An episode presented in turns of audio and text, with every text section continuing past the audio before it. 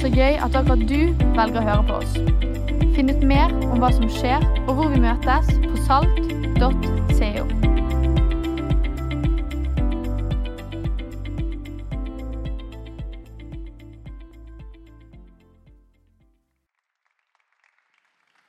Og Da sier vi også hjertelig velkommen til de som følger oss online. Kjetil, vi eh, sender også gudstjenesten ut på internettet.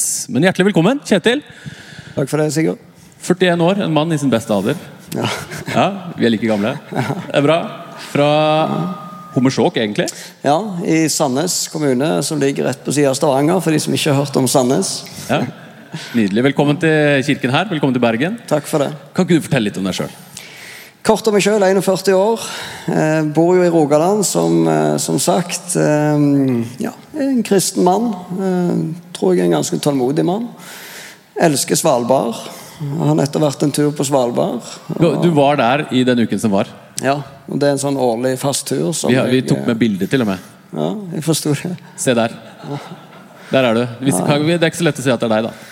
Ja, det anbefales Det på, på, på det kaldeste for det som, de som vil opp. Så er det en eh, majestetisk opplevelse. Altså Hvis du skulle reklamere i ti sekunder for Svalbard, hva i all verden bringer folk til Svalbard, liksom? Altså, jeg drar Nei, da tenker jeg at En kan jo bli religiøs av mindre når du ser det mektige landskapet som er der. Dette er min 13. gang. og eh, ja. Hvis det går an å kjenne på en følelse av forelskelse i noe som ikke kan puste, så må vel det være for Svalbard, tenker jeg. Ja. Ja. Kjetil, vi, vi snakker om tilgivelse i dag, og når du er ferdig, så skal Øystein forkynne om eh, tilgivelse. Eh, og jeg kjenner jo litt på det, at eh, nå har vi Ukraina og alle bildene i bakhodet, og, og, og det er lett at det kan prege samtalen, men akkurat nå så, så er det din fortelling. Som vi snakker om, og du har en sterk historie. Og fordi at ditt liv tok en ganske ny vending eh, 5. april 2004. Fortell litt om det. Ja, mange vet jo, husker jo dette som skjedde da i Stavanger 5. april i 2004. Da var det jo Rana Nokas i Stavanger. Hvor eh, elleve ranere inntok eh, deler av sentrum. og Målet var å få med seg flere hundre millioner kroner fra en tellesentral som lå midt i sentrum. Som skulle flyttes ut av byen. Eh, ranet gikk jo ikke helt sånn som eh, det skulle skje. Eh, min far han var politimann og var innsatsleder under aksjonen. Og ble da skutt og drept under ranet.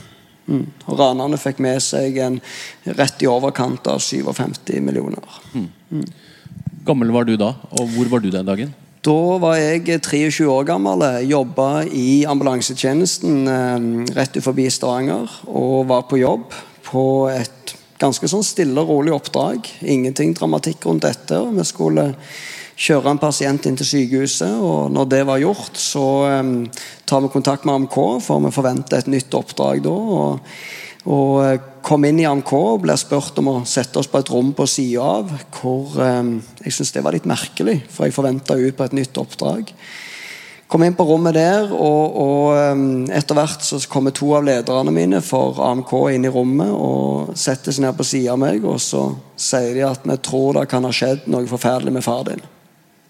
De sa at vi vet ikke bekreftet om det er han, og vi vet ikke helt hva som har skjedd, men du må forberede deg på at det kan ha skjedd noe med han.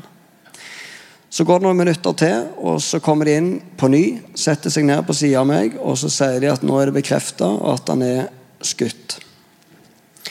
Min første tanke da det er at jeg tenker at ok, pappa har blitt skutt. Eh, det er ambulanse på stedet. Traumeteam i akuttmottaket gjør seg klar. Hele den regla som jeg er vant med fra, fra jobben. da. Eh, jeg klarer ikke der og da oppfatte han er drept, så jeg tenker med en gang at han er skada. Så jeg spør da lederne mine der om er han skutt og drept eller er han skutt og skada. Og da sier du at han er skutt og drept. Hva tenkte du da? Det første jeg tenkte på da, det var at ok, dette har jeg tenkt kunne skje.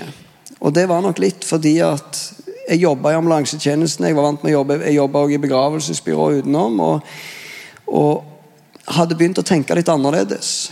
Jeg var vant med å være ute på andre sine kriser og begynte å tenke at hva om jeg plutselig står i en krise?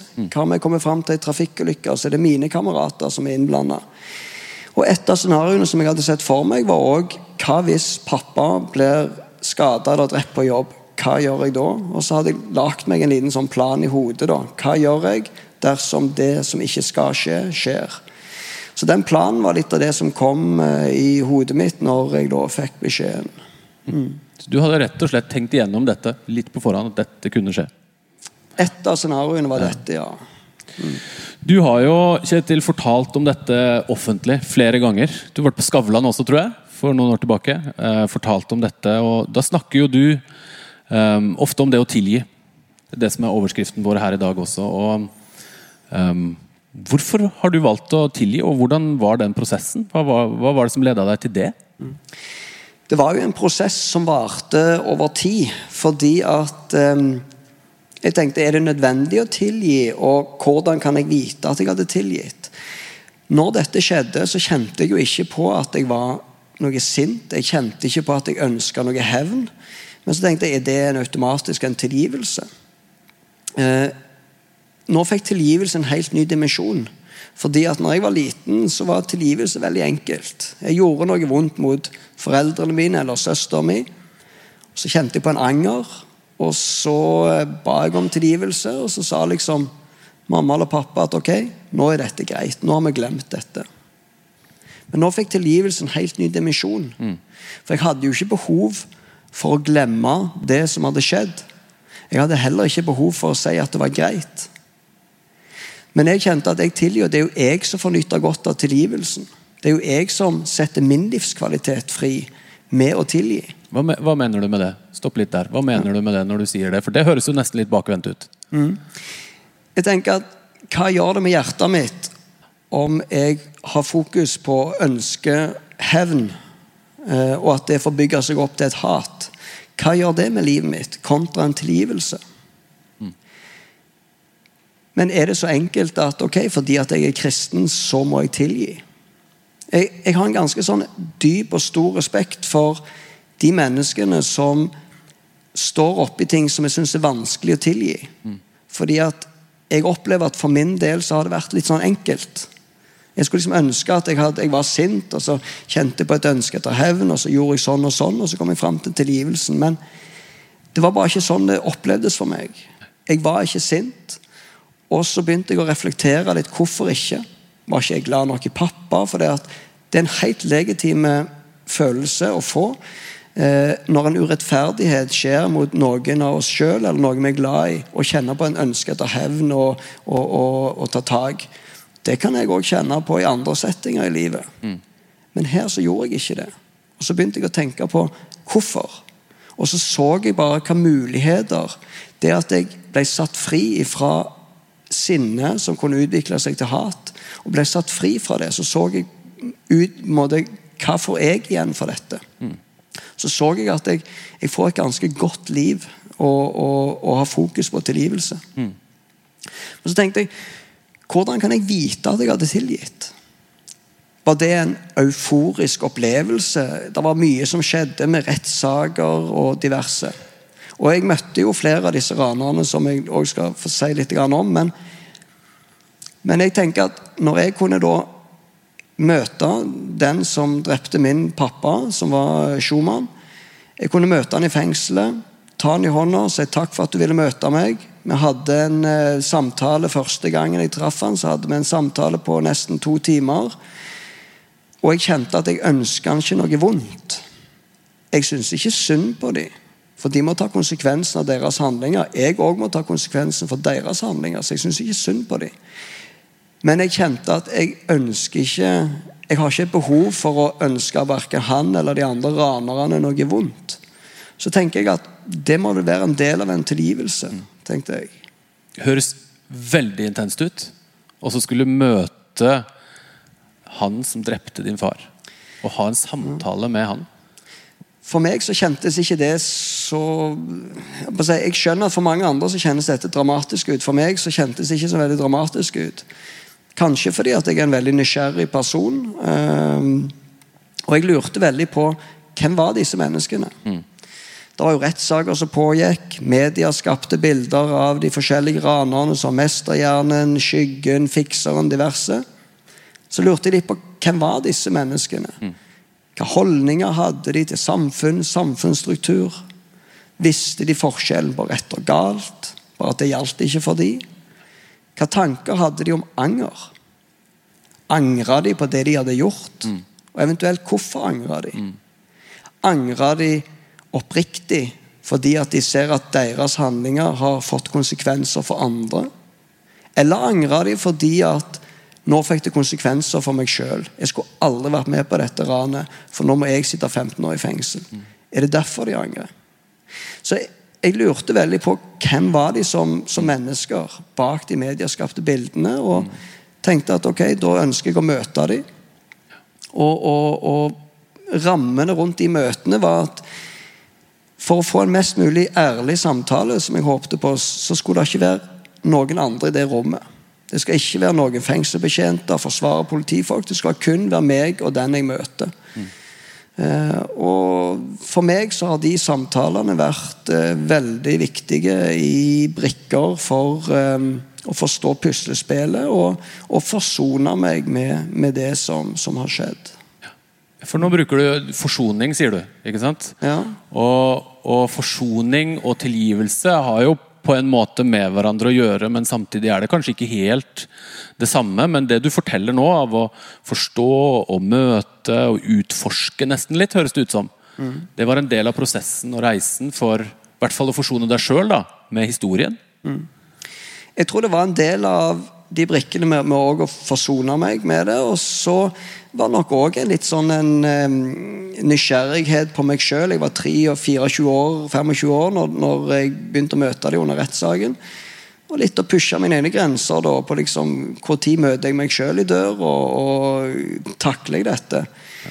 Fordi at i prosessene jeg sto i, så opplevde jeg at for hver gang jeg tok utfordringer, heiv meg ut i nye utfordringer, så forberedte jeg meg tok jeg utfordringen, og så kjente jeg på mestringsopplevelse etterpå. Mm. Og Det ga meg sånn hele veien en, en, push til å hive meg ut i nye ting. da. Så For meg så kjentes det ikke noe sånn veldig dramatisk ut å skulle møte dem. Det var mer for min egen del, for å tilfredsstille min egen nysgjerrighet på hvem disse menneskene var. da. Ja. Rent sånn språklig sett, forsoning og soning hører jo også sammen. Var det var det viktig for deg at disse faktisk de ble tatt, og det var en rettssak, og de ble dømt, og de sona? Det var viktig for meg at de ble tatt. Det var viktig for meg at det var en rettssak, og at de, eh, de, må gjøre opp for seg. Men lengden på den straffen ja, Så klart, hadde de fått et år eller to, så tror jeg nok jeg hadde følt det var litt hånlig. Men de fikk ganske strenge straffer. Men jeg kjente at jeg hadde ikke behov for at de skulle få x antall år lenger i fengsel. Jeg kjente ikke at jeg hadde behov Eller jeg kjente at jeg, jeg, jeg får ikke et bedre liv om de får det hardere i fengsel. Nei. Men det som var viktig for, for meg, det var at de ranerne forsto konsekvensen av hva deres handlinger har gjort med mitt liv, familie, kolleger, venner og Stavanger by. da. Det var en, var det, vil du si at det var en del av det å tilgi, eller å forsone deg med det? Det var nok en del av det å forsone seg og få puslespillet og få bitene på plass. da. For Hun hø hører jo på en måte det, ikke sant? Altså de, de, sånne store rettsoppgjør etter konflikter osv. Så, videre, ikke sant? så er det det at det sannheten I Sør-Afrika hadde de sannhetskommisjoner. Altså mm. Sannheten og rettferdigheten, at det blir satt ord på den uretten som har skjedd, og det blir gjort opp på et vis, er viktig mm. for å kunne forsones så tidlig. Mm. Jeg tror at tilgivelse betyr, kan bety forskjellig fra person til person. Noen betyr tilgivelse at det som har skjedd, må gjenopprettes. Her var pappa død, det var ikke mulig. For noen betyr tilgivelse at den som eh, har gjort ugjerningen, må be om tilgivelse. Det var ingen av ranerne som ba om min tilgivelse, men, men, de beklagte det som hadde skjedd. Mens for andre tilgir, betyr tilgivelse at en tilgir uavhengig av den andre. Og det var litt sånn jeg, jeg kjente på. Men jeg måtte bruke litt tid på å forstå hva betyr tilgivelse for meg, mm. før jeg kunne si at eh, jeg har tilgitt dem. Ja. Dette her er jo en, er en veldig dramatisk hendelse og, og fortelling. Eh, og det er jo mange som ikke har en så dramatisk fortelling, men hvordan, hva vil du si eh, tilgivelse har, betyr for deg? Litt mer sånn i det hverdagslige? Jeg tror For meg så betyr tilgivelse mer i hverdagslivet at det, denne episoden i livet mitt har lært meg om litt om viktigheten av å tilgi. Og som jeg sa også, at jeg kan kjenne på andre settinger i livet mitt at jeg kan kjenne en sånn ønske etter, etter en hevn når det skjer en urettferdighet gjerning mot meg eller, eller noen som jeg opplever mm. eh, som står meg nært. Men, men, så har dette på en måte vist meg litt av tilgivelsens kraft. da. Hva som er viktig med, med tilgivelsen, og hva livskvalitet får jeg tilbake igjen mm. med å tilgi. At det er faktisk jeg som får nyte godt av den tilgivelsen. Mm. Kjetil, det er utrolig. Vi, vi, hadde vært opp til meg, så kunne vi sitte her et, en halvtime til og snakket om dette. her, for jeg synes det er så interessant. Tusen takk for at du eh, ville komme og fortelle din fortelling. Takk for det. Og, takk for at og et, et, siste spørsmål. Altså, stemmer det at du er singel? Ja, det gjør det. Jeg bare tenkte å spørre om det, sånn ut i lufta. Sånn, sånn. tilfelle det var Ja, men det er bra. Kjetil, skal vi gi ham en kjempeapplaus? Takk skal du ha.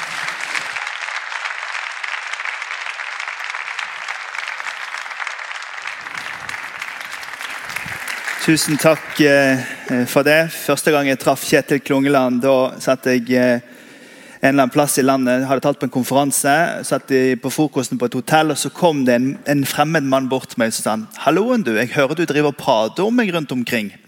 For Da hadde jeg altså brukt illustrasjonen om Kjetil Klungland på Skavlan. Så da så, så, når han da tok meg i hånden etterpå, så tenkte jeg at her er egentlig grunn til å være nervøs. For han har det fasteste håndtrykket av alle menn i Norge.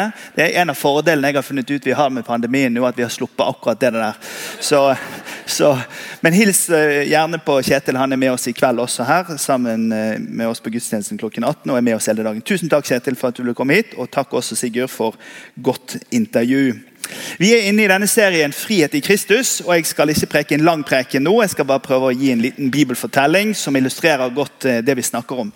Friheten i Kristus er altså mer enn å bare krysse av på et skjema at man har en kristen eh, livsanskuelse.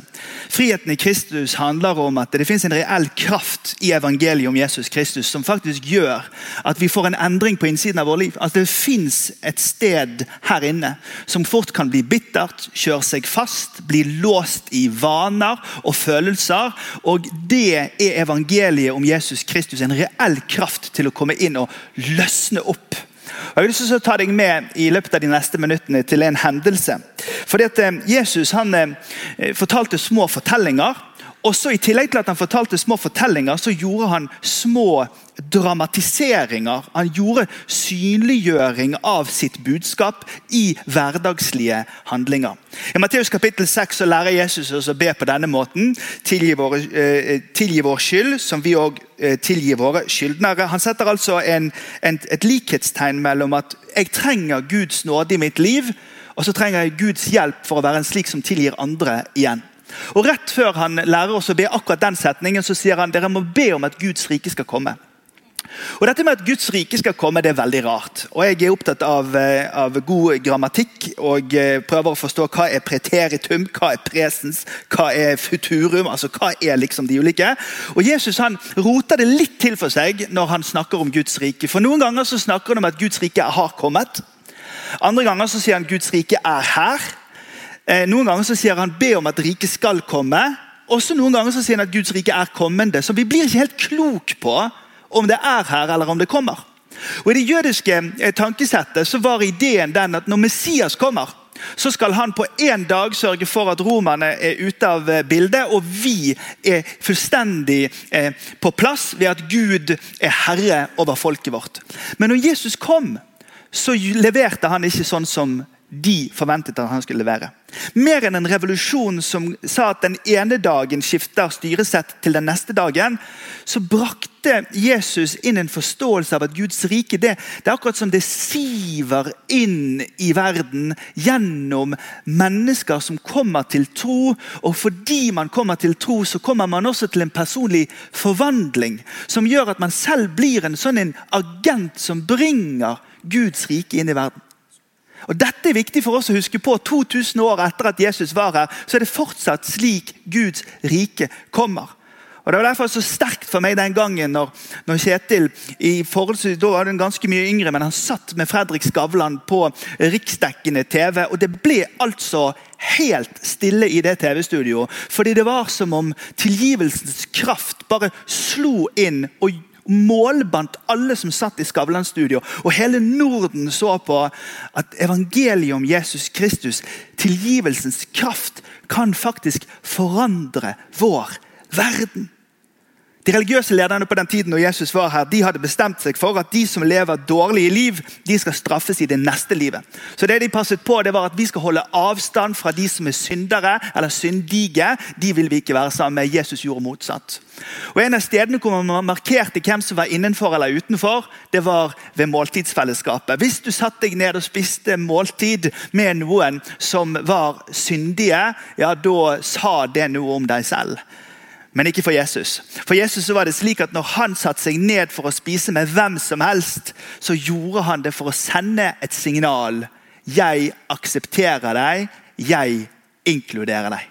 Så Jesus han spiste sammen med syndere, tollere, religiøse ledere, og han gjorde det for å gjøre et eksempel. Og Nå skal vi på lunsj hjemme hos en som heter Simon, og vi leser sammen.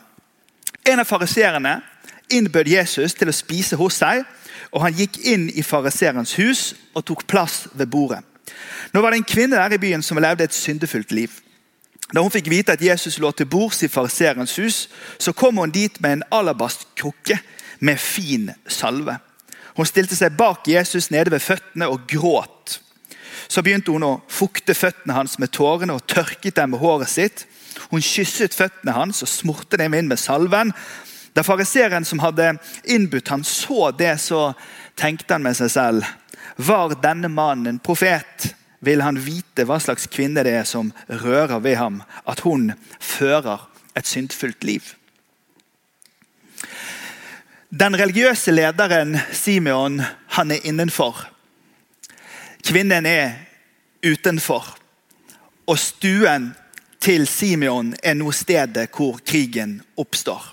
Fordi at han som mener seg å være innenfor, skal i løpet av denne korte fortellingen vise seg å være den som er utenfor. Og som, Hun som er utenfor, skal nå etter noen få straks vise seg å være den som er innenfor. Fordi Guds nåde har nådd fram til vår verden. Og Lukas han er en av de fire som skriver historien om Jesus. Det er Matteus, Markus, Lukas og Johannes. og Lukas, han, Jeg er veldig glad i Lukas. Fordi Lukas han sørger for at vi har et perspektiv av at Jesus er alltid på de små sin side.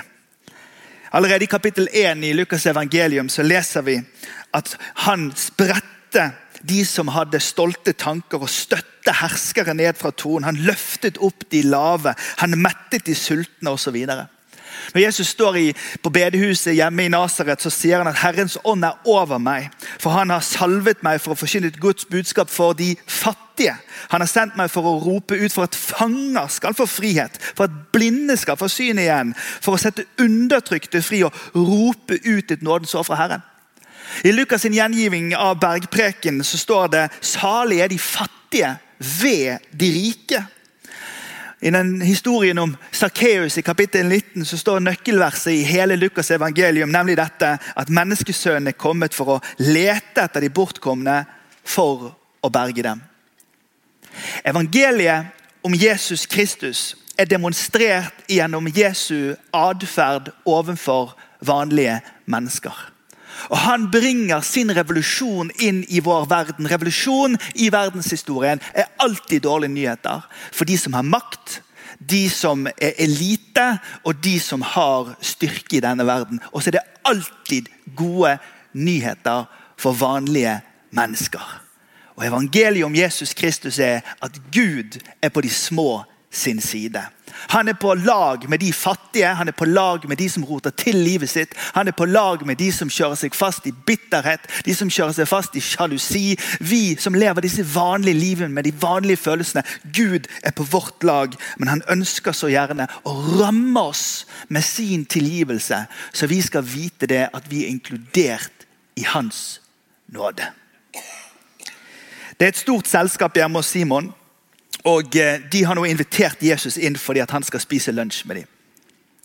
Og eh, når de kommer inn på selskapet der, så er det jo ikke slik at det er et eh, gullbryllup eller et jubileum eller en konfirmasjon hvor de nå skal feire at alle er glad i hverandre. De er veldig skeptisk til han gutten fra Nasaret som sier at han er Messias.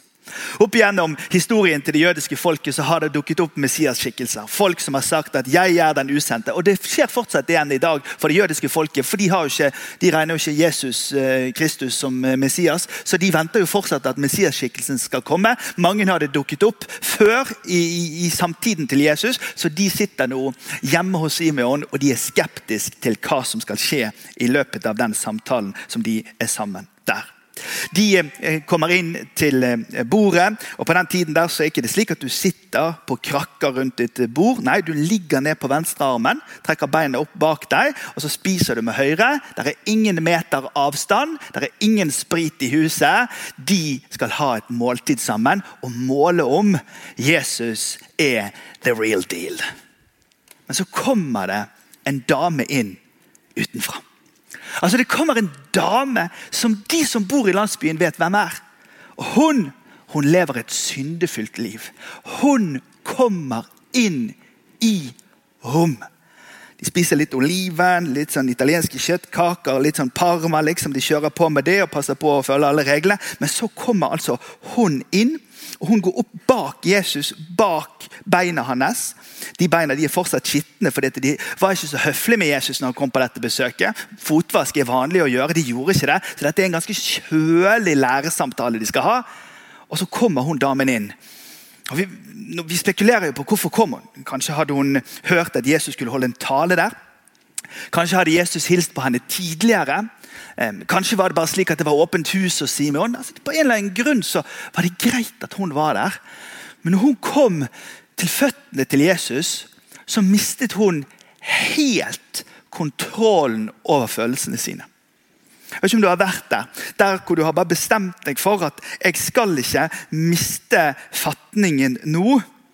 Jeg husker det at når jeg skulle gjøre veldig følelsesmessige seremonier og sånn tidlig når jeg var, var, yngre, så lærte jeg av Gro Harlem Brundtland at jeg skulle ha en, en sånn det der, sånn det der eh, eh, binders i, fot, i, i uh, skoen. Og så når jeg nesten begynte å grine, da, for det gjorde jeg før, da jeg sluttet med, for jeg hadde grått meg ferdig, så skulle jeg bare presse foten så hardt. Jeg kom jo hjem, jeg hadde jo blod under beina. vet du, når jeg hadde vært på ting. Men du vet, når du mister evnen til å kontrollere følelsene dine, da, går det over styr. Og Det som skjer i dette rommet nå, dette går jo helt over styr. Hun begynner å hikste og gråte over beina til Jesus. Og Hun tenker jeg har glemt å ta med papir. Så hun tar av tørkleet på hodet sitt, og så slipper hun det der ravnsvarte håret sitt ned over beina til Jesus. Det i seg selv for disse gutta som hadde veldig mye regler, for alt var skilsmissegrunn. Så hun tar av hodedekket, slipper ned håret, griner over beina hans. Begynner å tørke kan tenke så fabrilsk det man har sett ut. Begynner å tørke med håret rundt der. Og, og, de bare tenker dette er jo bare helt ute. Hva er det dama holder på med? Og Den skriftlærde han tenker var denne mannen en profet, så ville han visst hva slags kvinne det er som rører ved ham, at hun fører et syndefullt liv. Det som er så fint med Jesus, det er at han ofte vet hva vi tenker. Så han tok til orde og så sa han, 'Simon, jeg har noe å si deg.' 'Si det, meste', sa han. Jesus sa, 'To menn hadde gjeld hos en pengeutlåner, hos banken.' Den ene skyldte han 500 denarer, den andre 50. Men da de ikke hadde noe å betale med, så etterga han dem begge gjeldene. Og Så spør Jesus dette spørsmålet. Hvem av dem ville holde mest av ham. Skal vi regne dette om til i dag, så sjekket jeg denne uken at en gjennomsnittslønning i Norge er i overkant av 600 000, så vi sier 600 000. Så den ene skylder 600 000, og den andre skylder et forbrukslån på 60 000. Så begge to går bort i Fana Sparebank og sier Fana Sparebank, jeg har ingen penger. Og Det var rett før eh, han i Fana Sparebank skulle på hytten ikke sant? på Geilo. Han hadde ikke lyst til å ha noe mer krøll, så han sa det, det går greit. God helg, sa han. Og så spør eh, eh, og Dette er et tips til Fana Sparebank. Det kan de gjerne gjøre hvis vi også spør om hjelp. Eh, eh Så den, ene, så, så den, ene, går ut av banken med en gjeld som er ettergitt på 600 000. Den andre går ut av banken med en gjeld som er ettergitt på 60 000. Og Jesus' sitt spørsmål det er jo retorisk. Det er ganske enkelt å svare rett på det spørsmålet. Men det som er så skummelt med Jesus, det er det at han legger opp til det riktige svaret, men han har alltid et lite sånn trøkk rett bak det. Så Hadde jeg vært der med Jesus, eh, med Simon, da, så hadde jeg også tenkt hva kommer etter at jeg svarer det opplagte? Fordi at det, er det som kommer etter det opplagte her som er viktig. Og Da sier også Simon jeg eh, antar at han som eh, har blitt tilgitt mest, tenker jeg. Du har rett, sier Jesus. Men så skjer det noe. Og Når du leser Bibelen så vil jeg at du skal av og til prøve å dramatisere inn i hodet ditt hva som skjer for noe. For det han gjør, det er at han vender seg med ryggen sin vekk fra denne fariseeren, og så vender han med ansiktet seg til denne kvinnen, og så sier han Ser du denne kvinnen? Jeg kom inn i ditt hus, her, og du ga meg ikke vann til å vaske føttene mine, men hun har fuktet dem med tårer og tørket dem med håret sitt. Du ga meg ikke noe velkomstkyss. Men helt fra jeg kom, så har ikke hun holdt opp med å kysse føttene mine. Du salvet ikke hodet mitt med olje, men hun har smurt føttene mine med den fineste salve. Derfor sier jeg deg, hennes mange synder er tilgitt. Derfor har hun vist stor kjærlighet. Men den som får lite tilgitt, elsker lite. De hadde invitert Jesus inn for de skulle ha en læresamtale. Seminar. Så de hadde hoppet over fotvasken. De hadde ikke brydd seg med den der oljen på hodet. De hadde ikke brydd seg med noe velkomstkyss. Så var det den som var innenfor, som egentlig var den rettferdige. Han var blind for både hvem kvinnen var, og for hvem Jesus var. Du ga meg ikke engang vann til å vaske føttene mine. Du som er rettferdig. Men hun som er urettferdig, hun har ordnet opp for deg. Du ga meg ikke olje til hodet mitt, ikke en liten dråpe fra Rema 1000 engang. Men hun hun har tatt den der parfymeflasken og den lukten vi vant til fra en annen arena enn akkurat denne, men hun har gjort det fordi du ikke gjorde det. Du har ikke kysset meg men hun har ikke sluttet å kysse meg. Den som er tilgitt lite, elsker lite. Det spørsmålet der har jeg levd med i mange år. Jeg har levd med det i mange år fordi at når du er oppvokst i en kristen menighet og har klart å navigere sånn cirka rett i forhold til at ikke altfor mange utskeielser som folk har oppdaget, i alle fall, har blitt synlige for folk. Og man er, hvis jeg skal tro svigermor, svigermors drøm, og man eh, er jevnt over en sånn som har kontroll på det meste, så kan man ende opp i stolen rett ved siden av Simon og tenke at I got it together. Det går greit med meg. Og så kan det være at man begynner å utvikle seg et visst type skepsis til de folkene som tuller til livene sine. De folkene som strever, og de folkene som ikke får det helt til. Og så kan man få en ekkel tanke om at 'jeg klarer, men den klarer ikke'. 'Jeg er innenfor, men den er utenfor'. Og til slutt så kan man ende opp i blindsone av at 'jeg får dette til selv'. Mens det er heller den andre som viser dette. Jeg husker enda når jeg var barn. Jeg kanskje har vært eldre enn en sånn ni-ti år gammel. Og de hadde bygd nytt menighetsbygg i den kirken som jeg vokste opp i. Og Gud hadde virkelig begynt å røre på seg blant rusmisbrukere og alkoholikere her i byen som kom til tro på Jesus.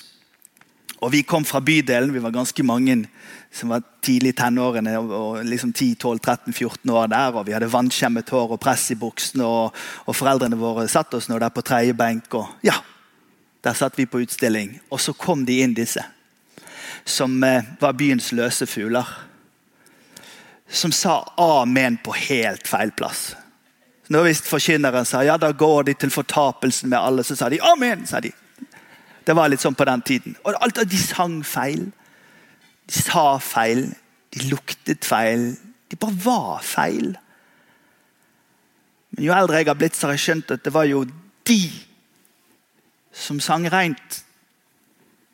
Det var jo de som snakket sant. Det var jo de som ikke var rene og pene i stresslessen ved siden av Simon, men de som hadde fått lov til å møte en Gud som tilga dem. De som hadde fått lov til å møte en nåde som forvandlet dem og reiste dem opp til et helt nytt liv. Det var jo de som hadde skjønt det. Og Jesus han vender seg bort fra, den, fra fariseeren og så sier han til kvinnen syndene dine er deg tilgitt. Og Det som jeg har lyst til å etterlate deg med her etter denne formiddagsgudstjenesten, det er dette spørsmålet. Hvordan står det til i ditt og mitt liv i forhold til det at vi også er i behov av Guds nåde? Klarer vi å tenke gjennom?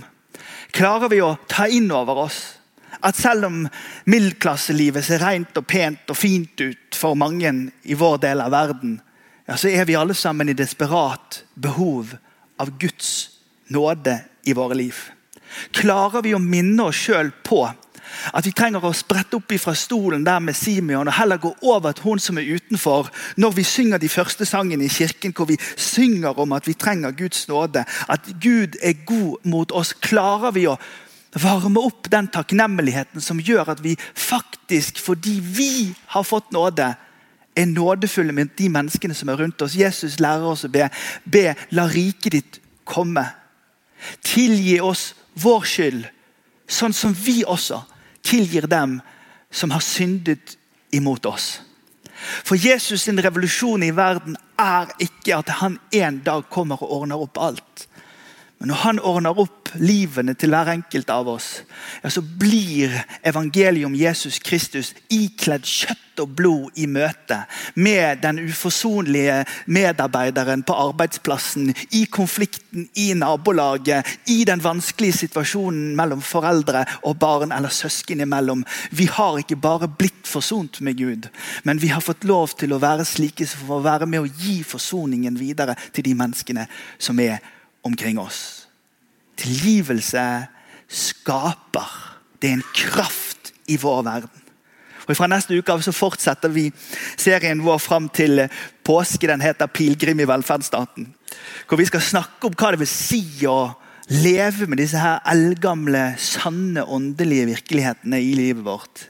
Med et økt trykk av sekularisering, men samtidig med en glødende brann for Guds rike sak i verden. Skal vi reise oss opp, og så ber vi sammen. Herre, vi takker deg og vi priser deg fordi at du har tilgitt oss. Herre, lenge før vi skjønte at vi trengte det, så visste du at vi trengte det. Og jeg ber for de av oss herre, som kan kjenne oss igjen i stresslessen til Simon. Som fordi vi har eh, kontroll på det meste, iallfall det folk ser, så klarer vi oss greit og sanker poengene av den grunn. Jeg ber Herre for oss at du skal fylle oss med en overbevisning og en forståelse av at vi alle er i behov av din nåde. Jeg ber om at du øver oss i takknemlighet. At du viser oss at vi er i behov av din kjærlighet og tilgivelse. Og Så ber vi, Herre, når vi nevner mennesker som opplever seg utenfor Herre, Herre som opplever seg stigmatisert og, og og plassert i, i, i, i lys av, av, det samfunnet vi lever i, Herre. Vi ber deg, Herre, om at vi skal få lov til å være en kirke som, som ikke bygger murer, men som tar ned murer. Være sånne vanlige folk som ikke har et blikk av hovmod, men har et, et blikk av omsorg og tilgivelse og inkludering overfor de som er rundt oss. Herre, lær oss dine veier, Jesus. Og lær oss å være sånne folk som samarbeider med dine interesser i verden. Herre, vi tror at på samme måte som du har forsont oss med deg, Herre, så har du også gitt oss en forsoningens tjeneste. Takker deg for Kjetil, Herre. Takker deg for det store forbildet han er for oss, Herre. Og jeg ber Herre om at hans holdning skal smitte på oss andre. Takker deg, Herre, for alle de menneskene som opp igjennom livene våre har, har, har evnet å, å tilgi. Bedt om unnskyldning. Brakt inn forsoning senket spenninger, tatt bort konflikter. Herre, jeg ber Herre om at vi skal få lære av de som har gått før oss. Av de herre som er modne på dette området. Jeg ber Herre om at du skal gjøre oss til sånne som er dine forandringsagenter i verden. Jeg ber om det. I Jesu Kristi navn. I Jesu navn. Amen. Amen.